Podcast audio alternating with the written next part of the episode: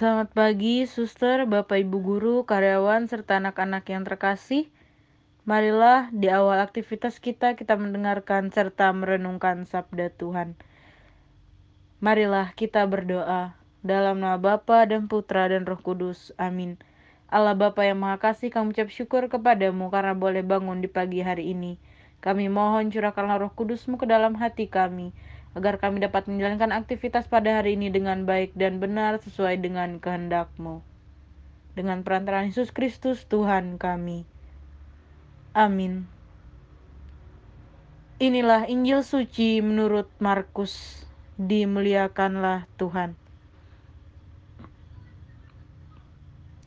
Dari situ Yesus berangkat ke daerah Yudea dan ke daerah seberang sungai Yordan dan di situ pun orang banyak datang bermini dia dan seperti biasa ia mengajar mereka pula. Maka datanglah orang-orang Farisi dan untuk mencobai Yesus mereka bertanya kepadanya, Apakah seorang suami diperbolehkan menceraikan istrinya? Tetapi jawabnya kepada mereka, Apa perintah Musa kepada kamu? Jawab mereka, Musa memberi izin untuk menceraikannya dengan membuat surat cerai. Lalu kata Yesus kepada mereka, Justru karena ketegaran hatimulah maka Musa menuliskan perintah ini untuk kamu. Sebab pada awal dunia Allah menjadikan mereka laki-laki dan perempuan. Sebab itu laki-laki akan meninggalkan ayahnya dan ibunya dan bersatu dengan istrinya, sehingga keduanya itu menjadi satu daging. Demikianlah mereka bukan lagi dua, melainkan satu. Karena itu apa yang telah dipersatukan Allah tidak boleh diceraikan manusia. Ketika mereka sudah di rumah, murid-murid itu bertanya pula kepada Yesus tentang hal itu.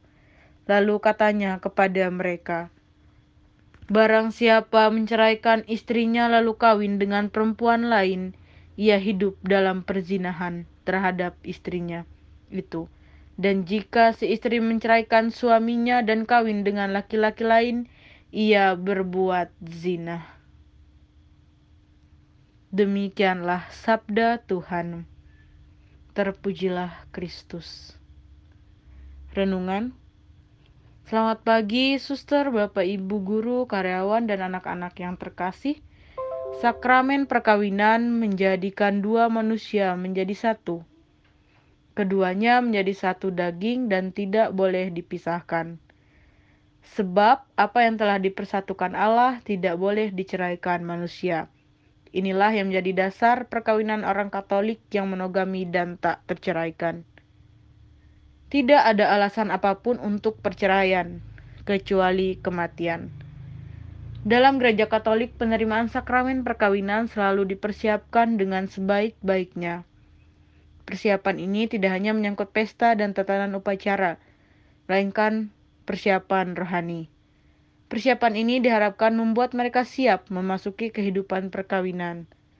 Mereka harus mampu menjadikan kehidupan rumah tangga sebagai gereja kecil, di mana Kristus hadir di dalamnya. Melibatkan Kristus dalam seluruh aspek kehidupan berumah tangga akan menjadikan rumah tangga itu kokoh.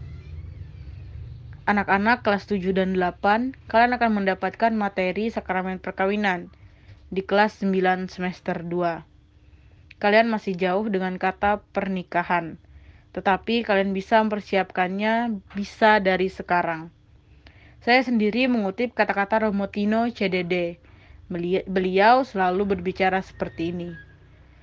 Pacarmu ganteng, cantik, Katolik bukan. Bukan, putusin saja. Terang dan gelap tidak akan bisa bersatu.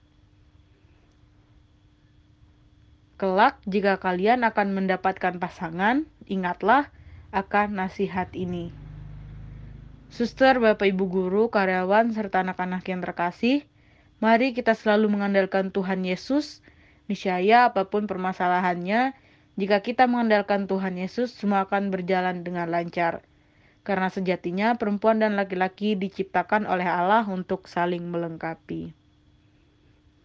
Semoga renungan singkat ini dapat menguatkan iman kita. Amin. Marilah berdoa. Ya Allah yang Maha Kasih, curahkanlah roh kudusmu ke dalam hati kami, agar senantiasa mengandalkan kekuatanmu. Biarlah engkau yang menjadi nahkoda dan perahu keluarga, karena kami percaya apa pun rintangannya akan dapat terselesaikan jika kami mengandalkan dirimu.